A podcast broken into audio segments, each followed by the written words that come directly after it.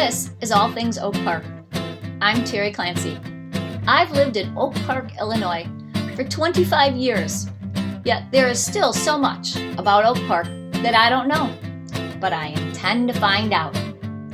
This is a show about the people and places in Oak Park, Illinois, how they got here, why they stay, or what keeps them coming back. Come join me. Well, hello everyone. Terry Clancy here. Happy New Year. Although, what a crazy 2021 it has been. Hopefully, things will start to look a little bit more predictable as we move forward into 2021. Well, I haven't been here in a little while, so I am glad to be here, and hopefully, you are glad to be listening. I have another great guest for you in keeping with my bakery streak. I have the owner of the Blackout Bakery, Shana Traveras. If you've ever had a cookie from the Blackout Bakery, you would remember them for their deliciousness and their little dainty size. Anyway, Shana talks about growing up in South Dakota with a detour to Finland for school. Shana then headed east for college and a job in fashion in New York City that she loved. She then got married and hightailed it over to Europe for a stint in a couple of countries over there and eventually found herself moving back to the States and eventually moving to River Forest and continuing on with her Blackout Bakery business.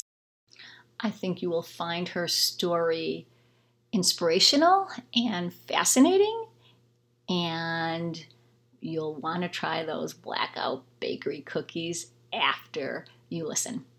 So take a listen and enjoy.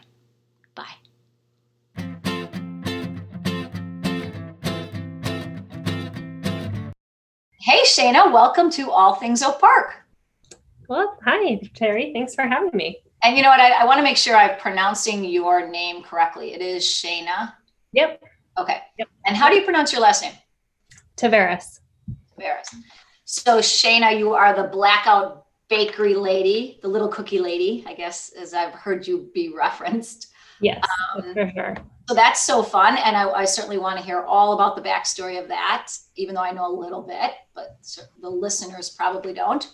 But let's just start at the beginning of you and, you know, where you grew up. You know, what's your family background like? I'm a big believer of birth order affecting your personality okay. and um, kind of through maybe young adulthood. So take it away. Okay. Wow. Okay. I can there's so much to say then. Uh, where do I start? So I'm originally actually from a small town called Devils Lake, North Dakota. Um, and my whole family's from there actually. Um, grandparents, parents, everyone kind of lives there. Um, and everyone still lives there. I think I was the only one that left. Um, until, really? That's yeah. very interesting.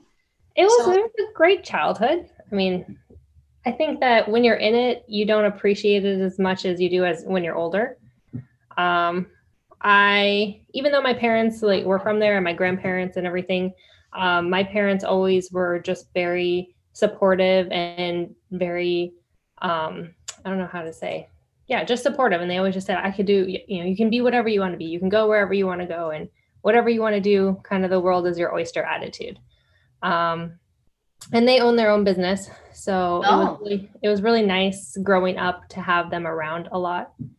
And you know every day when you come home after school and they were just always around which was was very nice. What was their family business? Um, so my parents actually do very random. They uh, paint and restore water towers. What? Yeah. And it was kind of a happenstance happenstance career. My dad is very handy. He was a carpenter and he fell into this business and he was really good at it and ended up becoming a partner and then branching out on his own. And my mom was home. My parents were very young when they had us. I'm the oldest and i have a younger sister. And my mom was home with us. And then uh, my dad's business kind of grew, and she became, you know, the the paperwork and the president and the one that does all the job bidding now and all the all the numbers where my dad is is the the guy on the ground seems like maybe a a family who has a circus background would take on that kind of a job mm-hmm. i mean did they do a lot of climbing onto water towers yeah my dad climbs them he paints them i've been on top of one before it's it's scary not for me that's for sure yeah, I think the only times I ever hear about a water tower is when somebody's up there like drinking or you know doing something yeah. as a teenager they shouldn't yeah. be doing. Yes. Yeah, so something you don't really think about, but that's what they do. So it's uh it, it was it was nice always having them having them around. Um yeah, small town, not a lot going on. I was pretty bored a lot. Uh I was really good at school. School was, I guess, kind of easy for me. Um, I really enjoyed it. I played a lot of sports. I kept really busy. Um, I had. So, what sports did you play? Oh, I think a lot of ever a little bit of everything. Uh, North Dakota, I mean, we have ice. So, I was an ice skater. I skated actually since I was little, all the way through college uh, in figure skating. I briefly decided to play hockey for a little bit in there. I don't know why basketball, cheerleading. I'm sure there's something else. Well, I have a friend that grew up in Iowa and their school was small. So they basically needed, you know, kind of the whole student body to play on every sport so they could field a team. So mm-hmm. then you actually got a lot of opportunity to play a lot of different sports, which unfortunately doesn't happen here in Oak Park because it's such a big school. But that's fun that that happened with you. Yeah, catch 22 though. I mean, we also didn't have that many sports that, you know, you would have at a bigger school. I mean, I remember I don't even think I knew what lacrosse was until I went to university or I always thought I'd be really great at swimming or tennis and we didn't we didn't have that. So okay. kind of just you just kind of fall into what you do. Um, but also too being in a small town and also, you know, my parents were very hard workers. I was just always busy. I think um, back in the day, it wasn't that long ago you could get your license actually i got my license when i was 14 which sounds crazy no i know somebody lives in iowa 14 to go back and forth to school or something right yeah, yes yeah no full on license i mean when you think about most of the towns there there aren't that many people so it's not as dangerous and you think of a lot of kids grow up on farms so that they know how to operate a vehicle very early on. Um, it's not 14 anymore. It's actually now at 16. But when I was younger, it was 14, which is. So were you still in grade school then? No, you're in middle school. Oh, middle school, like right? yeah. Was that four? We didn't have middle school when I was going to school. No, not eighth grade. So like eighth grade. Yeah, eighth to ninth grade. Yeah, that's Crazy. super fun. Yeah, not super. I would never. I'm thinking about it now as a parent. I'm like, oh my gosh, different world. So then you went, you said you went to college. Where was that? Uh, so I went to a uh, university in Syracuse, New York, in upstate New York. Oh yeah. And um, and I went far away just because I, I wanted to do something else. Um, I had been abroad. Actually, that was one great thing about my small town is we had a lot of volunteers with AFS, and they uh, they took. We had a lot of uh, foreign exchange students in our high school. I think eight eight or 10 in about a 120 person class. Oh, wow. So I was exposed to a lot of students that were from all over the world. And I was like, oh, that sounds really interesting. And again, with my parents just being very, you know, expand your horizons, I decided to study abroad and I moved to Finland for a year. I studied there my junior year in high school. Wow. That's, yeah especially uh, from a small town. Was that true of many other students at your high school? No, no. I was, I think, I was the only one that left. I felt it felt weird at first, and then coming back, it was like I didn't miss miss a step. Um, and then I, I think you would have tried to go somewhere warm though, like Spain or Greece. I know, I know. I kind of wish I would have now thinking back, but I, I, actually chose Finland because I was really, you know, in, in the sports world at that time and I was skating. So I went there because all the best, you know, synchro teams were there and that was something that I really wanted to do. and I had a blast. It was it was a great experience. Um, I got to travel all over Europe when I was there. Um, the first few months were very difficult. I mean, I thought I could do it, but adjusting to being so far away from home. Uh, but after that, it was it was fine. Um, and then, yeah, then since I I, I kind of got out, I decided I wanted to go farther away for university, and I I was interested in a lot of things. I wasn't quite sure what I was going to do. I loved math. Um, and so at first, I think I, I thought I was going to be an engineer. I think that was the first memory I have of something that I really wanted to do because I was like, I can, I can do that. I'm really good at math. And then I kind of figured out what an engineer actually does. And I was like, oh, that sounds a little, a little boring to me. A little dry. yes. And, uh, and then it, it morphed into architecture. Oh, yeah. So very, something very similar. And then I don't know when it changed, but I kind of I saw the similarities between architecture and and fashion, like creating you know creating buildings or creating clothes. And again, I kind of combined my math, my love of math, with um, my design. I, I just when I was a kid, I, I had you know since I grew up you know in a place where all my family was, my grandparents were all there. I spent a lot of time with them, so they taught me how to sew and bake and all those fun skills and i was just always creating i was always making things when i was a kid. So I kind of married that okay idea of architecture with oh i can you know i had made a lot of my I guess when i was a kid barbie clothes and then it morphed into making my figure skating uh, costumes and i picked fashion design.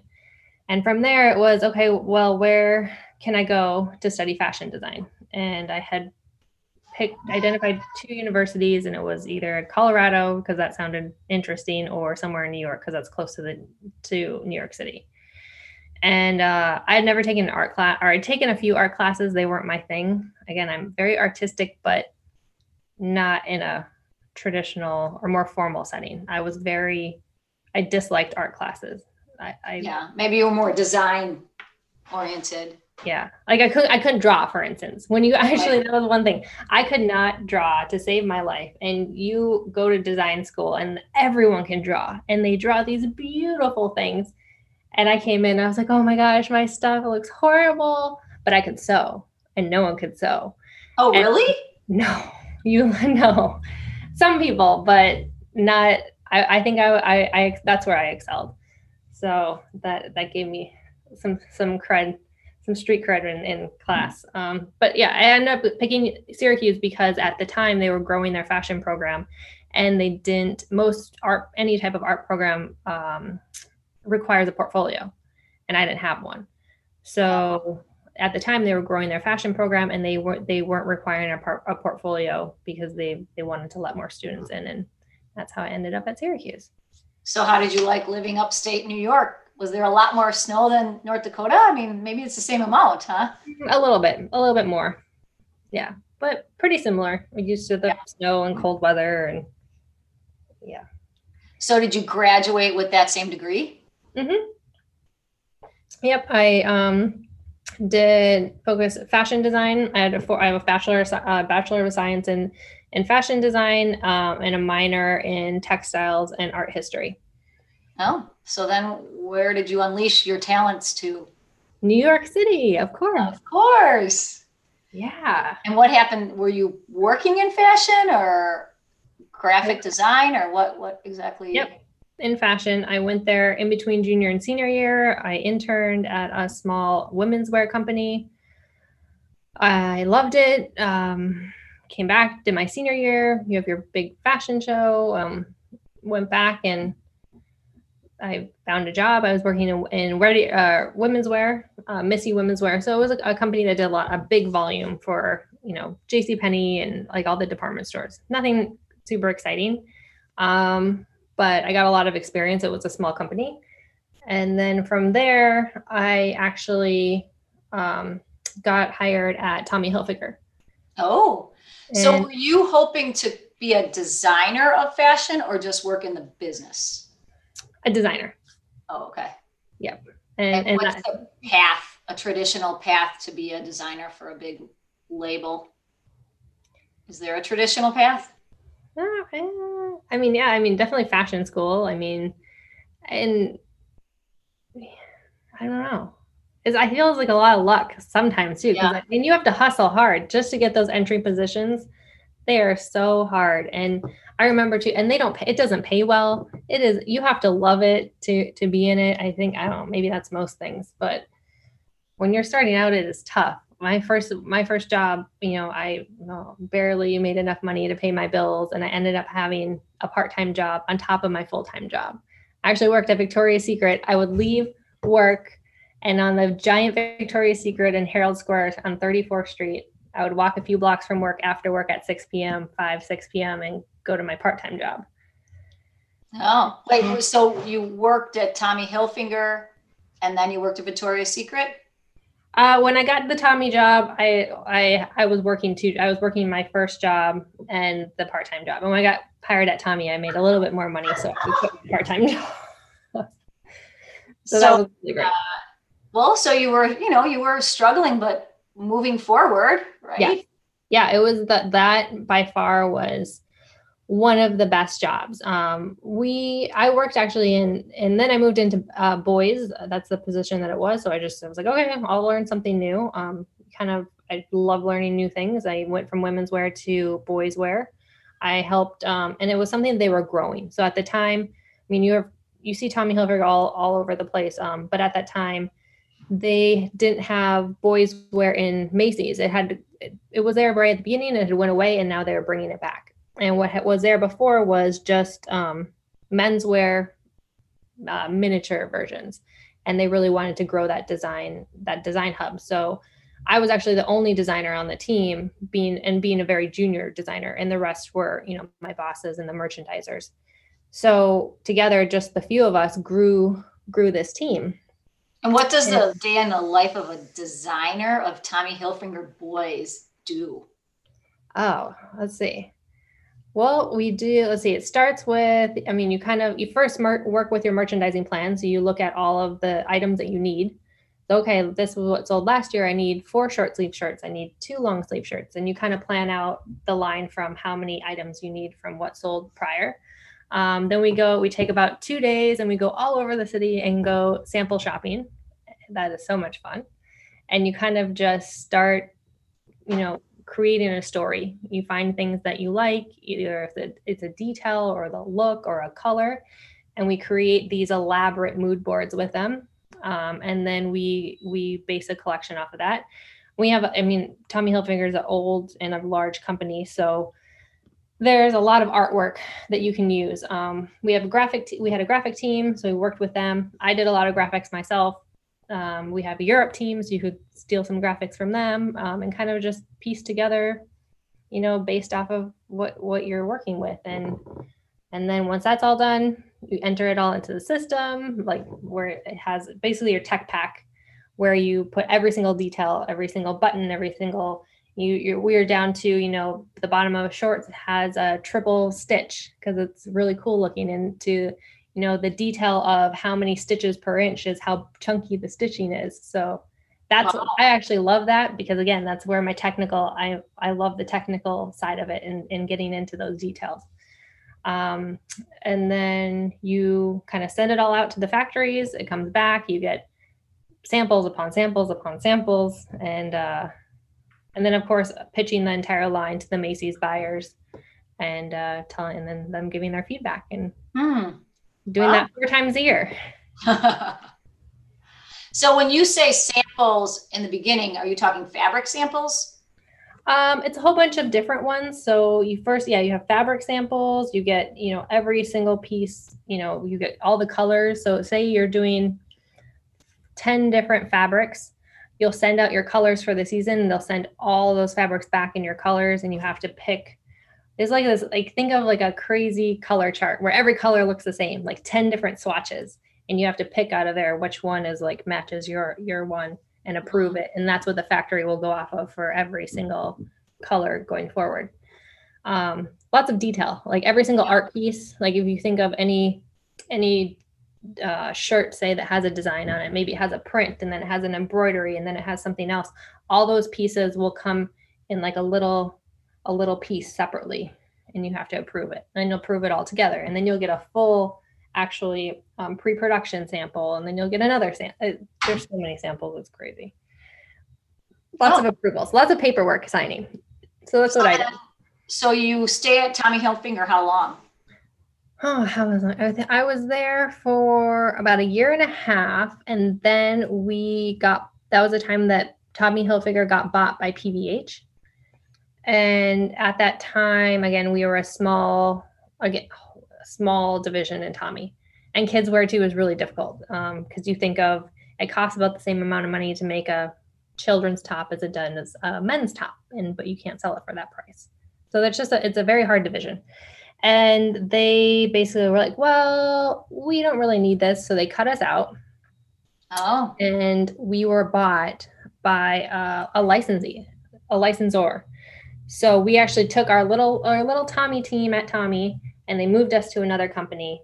We were still Tommy, but we were operating another company that basically we worked with their factories, we worked with all all of all of their infrastructure. But that was actually the as sad as it was, because I loved working at Tommy, I didn't want to move. Um, it was probably the best thing that happened because at Tommy, you have this big machine. You have, you know, you're there, things work. You have your, I mean, the factories are amazing. You just, you just have this streamlined system in terms of like how the design process works and how everything comes in. And after that, working with this new company, they were not up to par with the Tommy standards. They just had no idea, not no idea what they're doing. They're they're a, a, obviously a fashion company, but they were more. Um, they did like kids um, uniforms and, and a lot of more basic items. So uh-huh. we were coming in and we had to teach them and all of their factories the Tommy standard, and that was amazing. That go over well? Did they like having to raise their standards or? Nah, yes, like they, they, wanted the brand, they wanted us there. Um, but it was a lot of arguing over pricing, of course, because they're like, "Oh, that costs way too much. You can't put that embroidery there." And we're like, "Well, we can't take it off because otherwise, what else?" Like, or like it was it was back and forth a lot on that, but it was so great because I all I kind of got to learn it from the ground up because I was the one seeing it firsthand and not just you know being in this big well-oiled machine that already worked. And with that too i got to travel. Uh, i went to china quite a few times to work directly with the factories. And that was by far the best experience. Um, and again bringing my technical background into it like i still remember working with um, the factory and the and the sample makers and they you know they're going to make a pattern from the sketch that you give them. And you know they know, something they they saw and they they couldn't figure out the add some stripes on a sleeve. And they were trying to figure out how just from the picture how to construct it.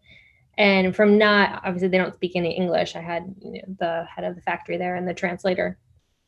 And I, and so they were asking me a question because that's i'm there to answer questions for the week and kind of facilitate you know speed up the process and, and kind of just be there hand, on, on the ground.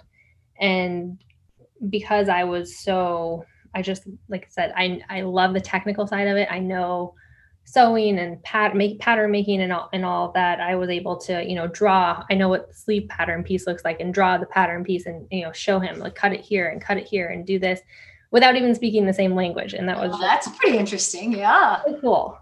So cool. I loved it there's a, um, an interesting um, documentary that's on netflix right now called the american factory and it uh, is about how this chinese billionaire bought a old um, car factory in Michigan and retooled it to make it a windshield factory. Okay. And then just hiring Amer having Chinese be kind of management and hiring Americans and the interplay of how different the cultural world is with business, probably with everything. Mm-hmm. Uh, it was very interesting. And I thought it did a good job of showing both sides because, you know, obviously each side has its own priorities. Mm-hmm. And uh, there was no great walk away from it, except that you felt very educated about the whole process. So I recommend that to you and, and to the yeah, that sounds really interesting. And to listeners. Yeah. Okay. So now you're at this new place and where do you go from there? Um, so I ended up um, kind of just running my my course there. Um, the brand was growing. We hired, you know, our, our little brand within the other company was growing. We hired more designers to take on the load because it wasn't just, you know, the few of us. And from there, I just, I don't know, I wanted to do something else. So I ended up moving to a company that did uh, accessories. Again, now completely shifting, completely different, Yeah. learning something new. But you're sticking in New York City as Yep. your home base. Yep. and I just went somewhere and I did accessories. So learn new things, learn, you know, more soft accessories. So hats, gloves, scarves, all that fun stuff. Um, learned some new prints and knits and all that. Um, had a great time. You know, that was where, right then too, where, you know, I was moving up. I had, you know, a team under me.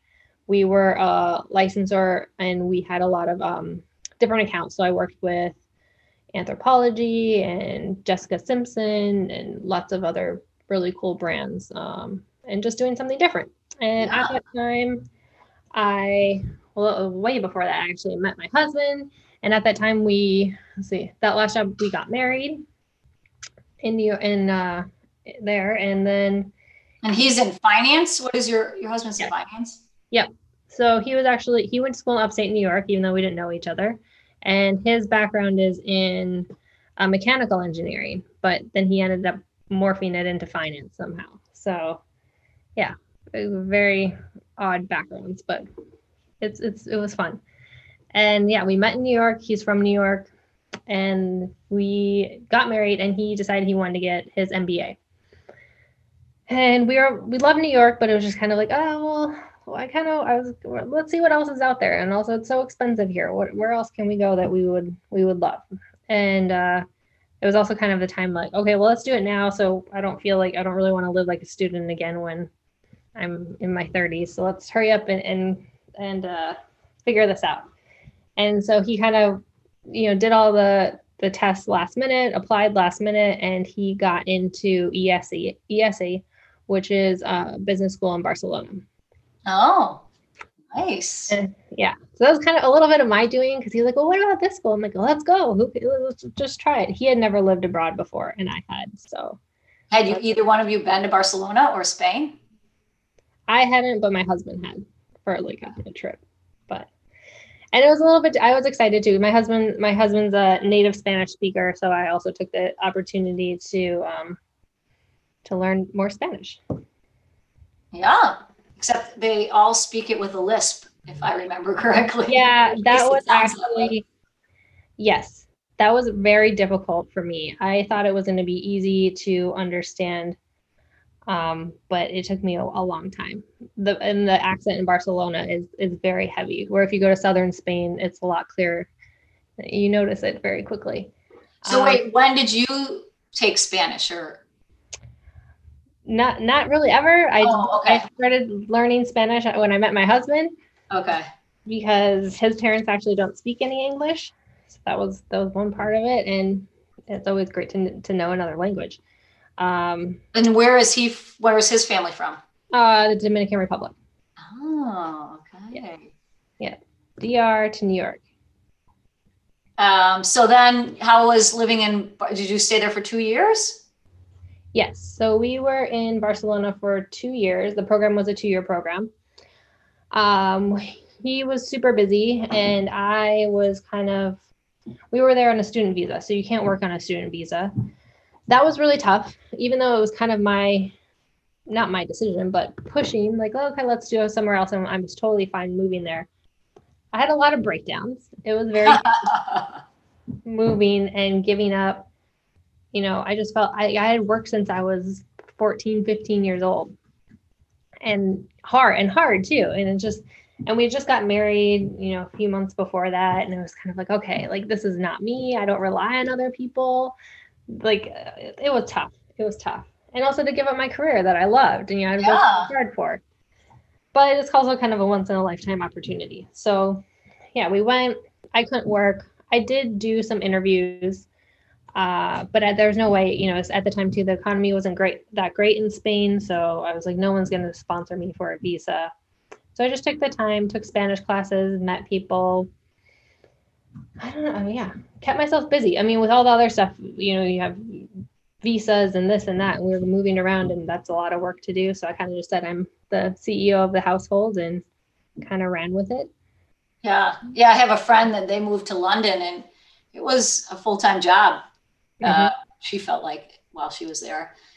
So then you stayed there. He got his degree, and then did you stay in Europe for longer, or? Yep. So he actually got a job with uh, Bank of America in London. And, oh. Yeah. So that was that was great. I mean, we wanted to stay. We loved London. Barcelona is is a great place, but we knew we didn't want to stay there. Um, it's just it's really hard to break into to that culture, and it was just yeah. it's a beautiful place, but to live is just a little bit different. So moved to London after two years. Loved it there. Finally, finally, I could work because I had a work visa um, under my husband's visa, and then it was just I felt impossible. I was networking my face off. It was just, it's really hard to get into um, the industry, even though it's really about a lot of all your contacts and who you know. And um, the way that they hire in Europe is very different from the way that we do in the U.S. I always felt like in the U.S., okay, you've done similar things A, B, and C. You can do D. You seem competent, or we like you, or whatever. You're hired. Well, there it was I had gone through so many interviews. And of course, my resume was, I mean, for some people seemed all over the place, but I guess if you're in, it depends on what you're looking for. I, I, I guess I didn't think it was all over the place and uh, because I was moving up and I was doing, you know, particular things and always learning something new. But they were, oh, well, this is for a men's sweater designer. And like, yeah, you have seven, eight years in senior experience, but you didn't design men's sweaters for five years like what what what so that, that was tough it was really tough to it took you know a really long time i was uh, working in retail to meet people. I was interviewing i was interning i was taking classes at london college of fashion. I was doing oh wow. so much stuff um, and just again learning. I, I love learning. I could do it forever. I wish i could. And have you continued to sew all these years even Mm, being so busy with work and all that? No, no, not much. I mean, I mostly just fix things now than actually actually, actually make anything.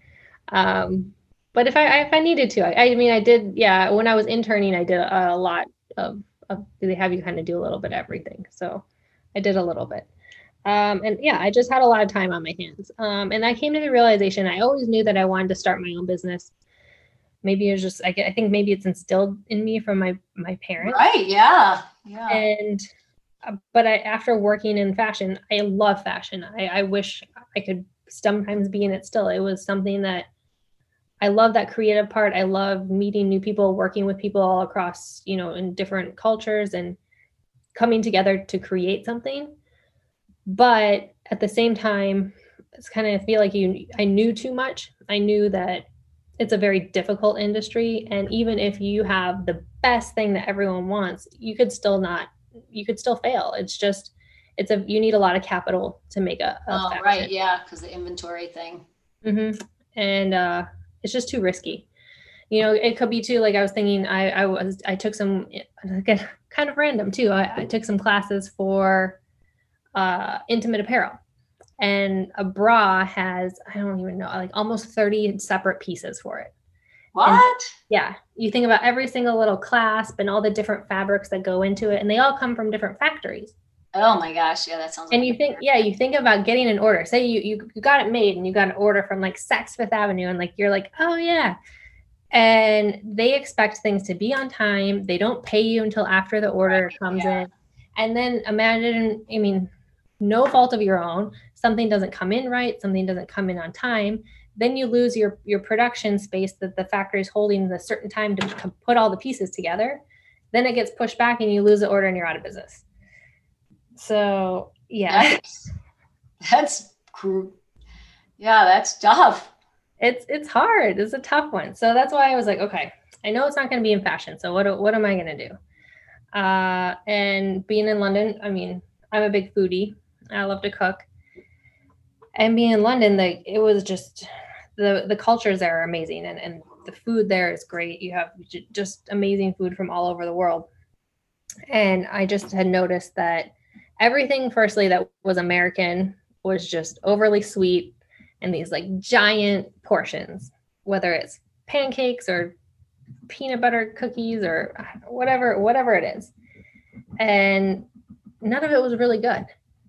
And then you have all these other great things. I mean, you had donut shops and cupcake places and French bakeries, and you had a lot of a lot of variety there. And I was like, but it was missing, you know, that kind of I guess what I missed too. Like growing up, you always just have home baked cookies, and and I had come across to a few other places in New York that I loved that were bite size because everyone loves bite size, even if you're not yeah. really, even if you don't want anything sweet or you're not even that hungry. Oh, it's just a bite. Like I, I want to try that. And so that's where the idea actually of, of blackout came. And I, it was just kind of something that, I don't know, kind of fell into place. And when you say blackout, you mean the bakery? Yeah. Creating your own. Yeah. Yes. And the blackout, what is that reference, the name? Uh, so two different things. So that's, that's another story. I, I remember sitting there after I decided on this idea. This is what I'm going to do. Um, and my husband and I would, you know, sit when we had a few moments together and just kind of throw out names and just kind of see what stuck. Because I and he, I always said I was like, I don't want cookie in the name because it, you know, obviously we that's what we do. Especially, I want to be known for cookies, but what if I want to do something else that that's could right, Yeah. And we were just throwing out names, and then all of a sudden we started thinking about feelings and and also other things that we loved, and and blackout came to mind. Like when you know, we kind of joke like if you eat something when we eat something so delicious, like you kind of just black out. Okay. And we're like, that's it. Like that's it. That's what it has to be called. And then kind of going more into blackout was um, living in New York. It's not. I I don't know. Some people uh, like it is common, but it's not at the same time. There's a, a old school bakery that did the Brooklyn blackout cake, and it's a chocolate cake with like pudding, chocolate pudding, and chocolate frosting. So it's like a triple chocolate cake Mm, yum. Yeah, that's what blackout is. So our, our signature cookie is a triple chocolate cookie. And also, you know, the feeling, what feeling that that feeling that you know, when you eat something so delicious, you black out. So blackout baking company was the name. So cool. So you had you been creating recipes prior to this? Like, did you, you know, a lot of times when we cook stuff, we just follow a recipe, especially baking because it's so precise. Mm-hmm. Were you kind of fooling around with baking your own recipes before this or was that something you would have to figure out yeah no not before that um i i'm kind of a, I like to create my own recipes for sure, but I don't really follow them. Any type of recipe, I'm like, oh, that sounds okay, but I can make it better. Let's just throw in a little this and a little of that. Uh, so that's how it started. And then obviously, after you know, baking is very exact, so it uh, I mean, obviously I write things down and then it become it became more exact. Right. And I just started, yeah, like, okay, well, I want to that, and that, uh, actually the signature cookie came from the name. Like all of this came from an idea. It's not something that I had a recipe from before. It's the only baking that I did for cookies when I was a kid was the recipe on the back of like the Toll House chocolate chips. So there wasn't any any crazy recipe behind it. It was just something I compiled a ton of recipes and I, you know, kind of like I can do that, but I can do that better and I can do that and I like this and kind of and that's where it came from. And I started making my own recipes in my spare time. My coworkers, I worked at a retail shop in London. I brought them in cookies all the time. They loved it. And that was about it. The rest is history. I kind of just developed, I started working on it obsessively and I was the idea was to launch at markets like little farmers markets in the area I got my kitchen approved. While you're still in England, yep. or did you move back to the States? Okay. This is while we're still in London. I got my kitchen approved. I thought I was going to do really well. And then uh, Brexit happened. And uh, yeah, that was, that was an interesting time. We definitely wanted to stay in London. It was just having, you know, just been through two years of expensive school and all of our getting paid in pounds and all of our bills are in USD. It wasn't a wasn't a very fun transfer when after that. So and, how did Brexit make and so you decided to move back to the States because of Brexit happening? Yes. Because it was passed? Yeah. So as soon as it passed, um, our salaries basically devalued 30%. Oh. Because of the dollar wow. to the pound ratio. Yeah. So all of a sudden, all our salaries went from one number to another when you transfer them over to pay all of our bills that are in US dollars.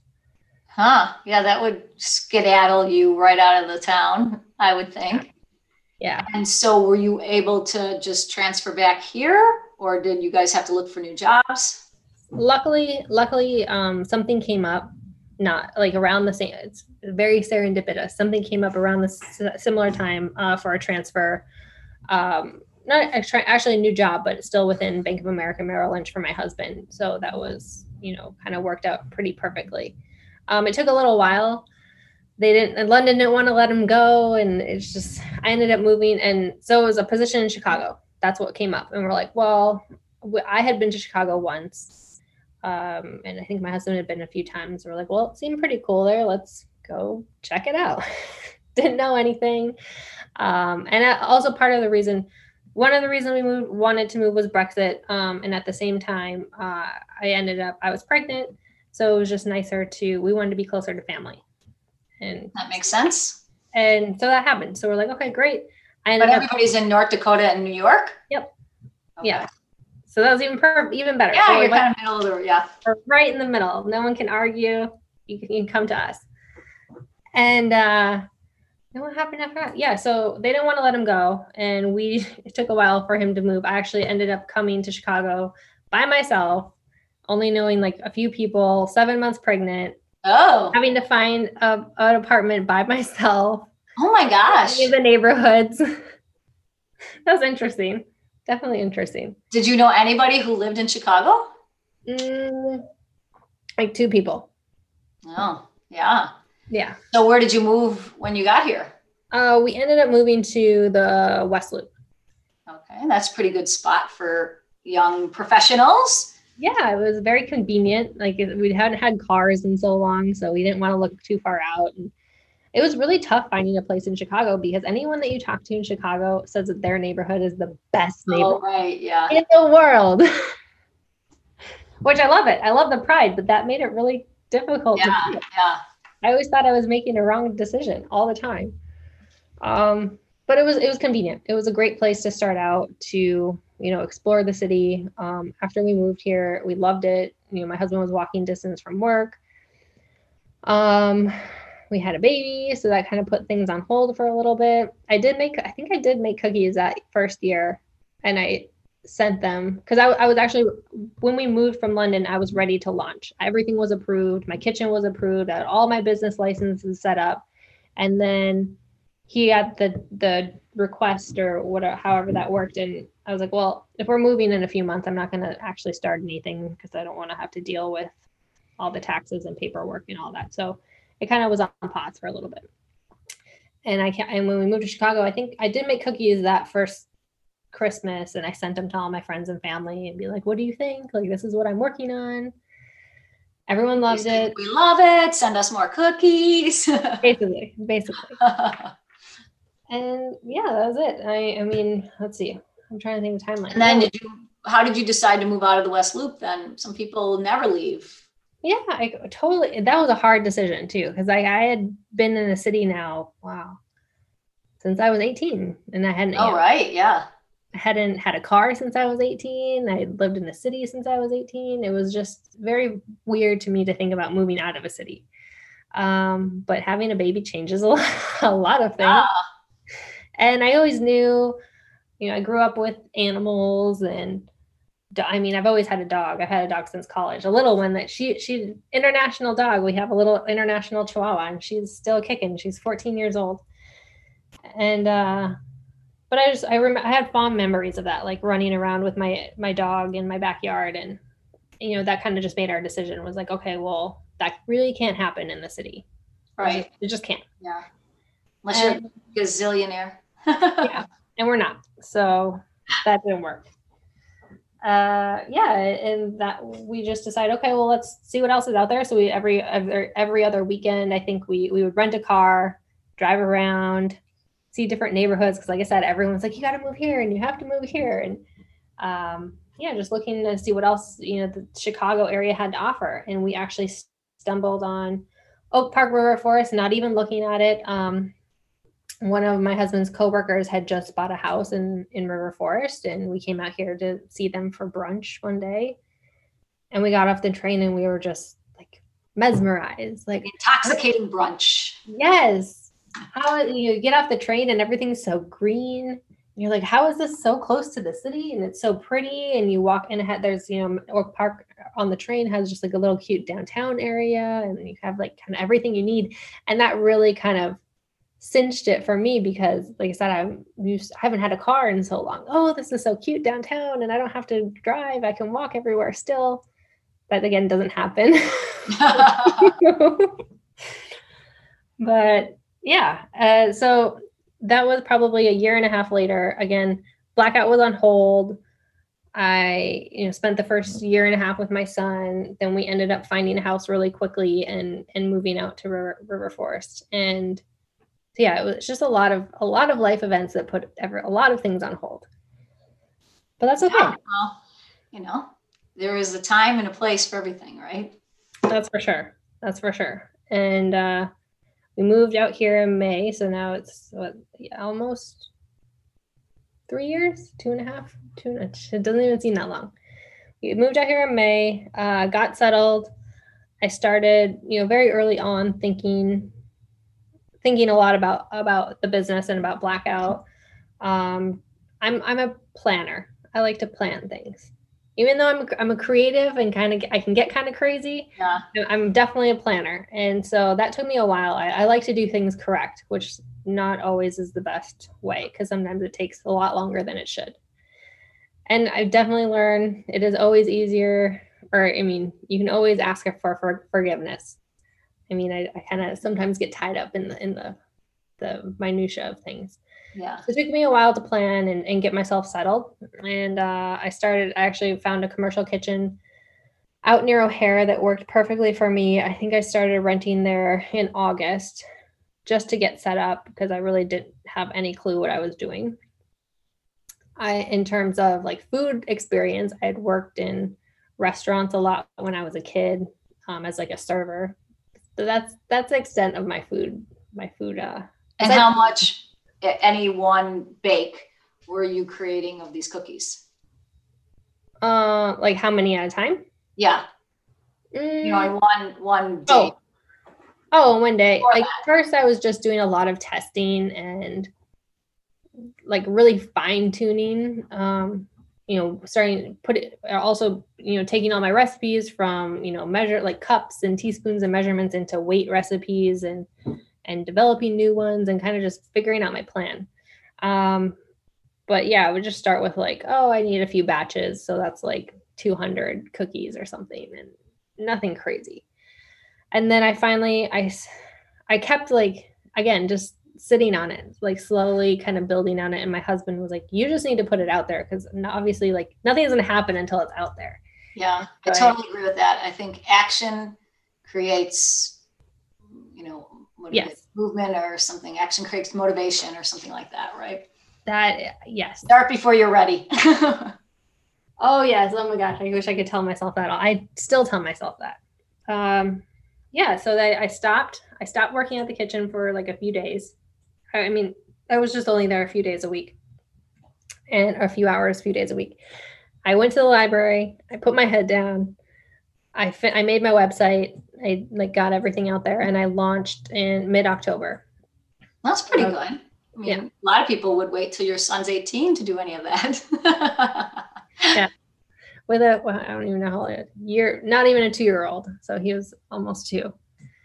And uh, yeah, and it just it just went from there. And I, I remember still now.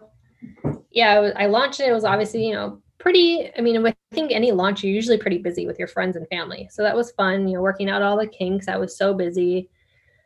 Oh, so so slow. Oh my goodness. Um, and I remember then I did my first market in Christmas time. So like a Christmas market in downtown Chicago, like a you know artisan market. And I remember my mom came. She came for to visit for Christmas, or maybe it was right after, I think it was right after Thanksgiving. And she came to help and help me put boxes together. And I was so stressed out. I just remember thinking, like, how am I going to make so many cookies for one day? and because I didn't know how to, you know, batch things correctly and how things could be stored yet, you know, hadn't done all the testing. And I just had baked, baked, baked for three days straight. And I think I had like, I think I had like 800 cookies. Oh, that's a lot of cookies, even bite-sized ones. That's a Yeah. lot. Well, that's the thing. They're bite sized, but they're still like they're just as much work as a normal size one. So even like it's it's kind of so yeah. And I sold out right away. Sold out in Oh, like a few hours. Um, it was a fun day. That was for sure. It was I kind of it was it was fun. I mean, who doesn't love cookies? Who like Yeah. everything to sample? but We like I said, sold out really quickly. Um, it was a great day. And then from there, it just kept going every day, every day, something new, learning new stuff. And like for instance, and like now I think about how how slow I was, like that, and it took me so long to make that. Now, like today, I was only in the kitchen actually right before I talked to you. I was in the kitchen today, and I was only did a half day today because I was running around. So a few hours, I think I had three or four hours, and I know I also now have an uh, an employee. So I mean, granted, there's a little bit more help, but uh, I think we got done 850 cookies today. Oh, wow. So three days into three hours. Yeah. That's pretty efficient. Yes. And so your sales, I would imagine, have continued to grow, maybe not as fast during COVID, but they're still moving. Um, actually, Right? we've been yeah, we've been very lucky. Um, with COVID, we are all- um already an e-commerce business, so that's how we started. Uh, so that was one hurdle that we didn't have to overcome, which I think a lot of brick and mortar places, you know, kind of um, had to learn that if they Right. didn't already. Um, and for me, I had actually a lot of markets planned for the year, and that went away. That was really disappointing because market markets are so much fun. I mean, that's where we meet our customers. That's where people actually get to taste our product. Um, selling food, obviously online, if you don't know it or if you don't get it as a gift, it's hard. It's harder to pick up that sale. Right. Um, and so I just I focus more on, you know, I mean, I still have a lot more to work to do in terms of like, you know, clean making the website better, making the experience better, making the images better, you know, everything I do my um myself. So no one's touched any part of the business. Um, the only thing I would say that I've had help on every once in a while is like I said, my husband's in finance. So it's really great to have someone that can help with, you know, creating some costing models for me and uh, a lot of all the, the numbers things he definitely um, will help me with. But everything else, like the recipes are my own, all the artwork are my own, the website I did myself, all the photography is my own, all the social media is my own. Yeah, I, I being a solo is tough, even if you have an employee that is helping you create the dough. Yeah. so yeah, still a lot, uh, still a lot to do. And like we, I we just hired our first, my first employee this year. So after what, almost two years? Yeah, exactly two years. So is there any um, plan to do like a pop-up within somewhere or even create your own retail shop? Is, or is that not really what you want to see the business because it's too stifling? No, a lot of definitely. I definitely, definitely see it as a storefront. Uh, that's something that I've always wanted and worked towards. Um, it's scary. It's a lot of work. Um, and it's also, like I said, it's scary. It's something when you don't know it, you know, you're not going to Yeah. know it until you do it. Yeah. So, And- um, Have you thought about baking anything else but cookies? a few items, but that's really what I want to be known for. I think Yeah. that, you know, if once if you can do something really, really well, you know, kind of just stick with it. I mean, Right, I right. definitely have tons of ideas every day, and I always talk my husband's ear off, and then he's like, okay, well, you know, he's kind of the he's the numbers guy again, so he's the efficiency efficiency guy. Well, okay, well, if you do that, how many more ingredients are you going to have to add, and how much more time is it going to take? And I'm like, oh yeah, you're right, like. So I will get too ahead of myself, but yeah, there's lots of tons of ideas. I, I, I dream about it. That's actually the crazy thing. I never thought that like, when I was younger, like I said, I, from engineering to architecture to fashion and just kind of creating, finding the things that I love to do. And I don't think I've ever dreamed about anything. And I actually dream about cookie flavors or ways that I can make the process better or it's it's it's really crazy Yeah, I actually, you know, I, I, think I mentioned to you before that I have interviewed a lot of women Oak Park, well, your River Forest, mm-hmm. but Oak Park bakers. And you all have a little bit of a different story, and your products are all a little different. I don't really mm-hmm. think you guys are at very much, except if nobody wants, you know, anything specific in baked goods. They just want baked goods. But mm-hmm. there's a bagel, you know, so Amanda with bagels, and you with cookies, um, and Laura with cupcakes. Yep and then Meg with whatever the pies. Yeah pie yeah pies right she I know she does a bunch of other stuff but yeah other stuff pies. but yeah they have so I thought it would be fun if you guys had your own little retail storefront and you obviously you can't have all your stuff in there because you don't want to pull away business from yeah. your other places but if you only sold one item that could only be bought at that store or something like that where it isn't sold at your other stores mm-hmm. would that be fun so fun yeah and i've like i say there's such great products here. It's such a cool like space like oak park river forest. Like it's, it's just it's been really fun to be here. Um yeah so we're kind of heading toward the end here. I um wanted to find out if you have any uh, river forest oak park recommendations you would tell someone either if they've been here their whole lives or and maybe it's kind of a little unknown place or just coming here for the first time oh, even it doesn't have to be food it can be anything right? Anything that they would enjoy if they visited the area. There's a lot actually. It's hard it's hard How about three things? Uh well i mean we're i mean oak park is obviously i, ha- I hate saying it frank lloyd wright but i had finally visited there after living here and that, that is the coolest thing. The Frank Lloyd Wright Home and Studio? Yes, that is just amazing. And really just to see that and like kind of, and then you can kind of see it everywhere. You, it's it, that that was something that I was very um, impressed with, and I didn't know a lot about. Oh, what else? There's some cool spots here. Amphora now we have Amphora, which is really amazing. I guess everything is downtown. Um, which is a the wine the new wine shop in Oak Park. Oh yeah, yeah. So maybe Meg recommended that. Um, somebody recently recommended that to me. I they have, you know they have cool Christmas decorations with the the I don't know if you've been down there, but it's um the one on is this on Marion? The wine shop on Marion and Pleasant. Yeah, yeah, they have like these wooden balls or branch mm-hmm. balls. Mm-hmm. They're all yeah, it's really pretty decorated for Christmas. Yeah, but it, like again, that's the same thing. It's like uh, the owner is, you know, it's Italian wine shop. So it's something just a very specific. Um, but you go to that place because there's like a very singular and like focus and, you know, you go yeah, learn something new. Good. And I don't know, carnivore. And then right down the street is carnivore. You can't go wrong with that. Yeah. Yeah. They have a, um, they have a food truck that I have eaten sandwiches out of. It's I didn't know not, that. It's not called carnivore though. It's called like ministry, something with an M. It's, oh, okay. I didn't know that was from them.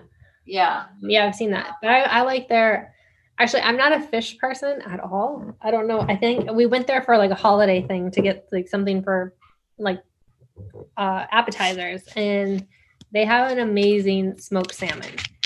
Oh, really? And, My daughter just recently discovered smoked salmon and loves it. It is the best. The best at carnivore. All right, I'll have to have her check that out. All right. Well, I think that um, that's all we have time for. I mean, it's been a long interview. Hopefully, I didn't overstay my welcome uh, with you being on the, the show, but I really enjoyed talking to you. Hopefully, there's, you know, lots of cookies in your future.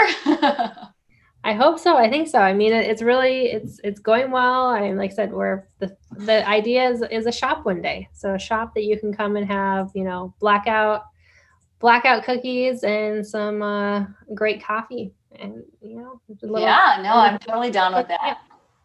Yeah. All right. Well, thanks, Shayna. Thanks so much for having me. All right. Bye. Thanks for listening. You can get in touch with me at my new website, Teresa Clancy Law. Find all my contact information there. Bye. Seize the day.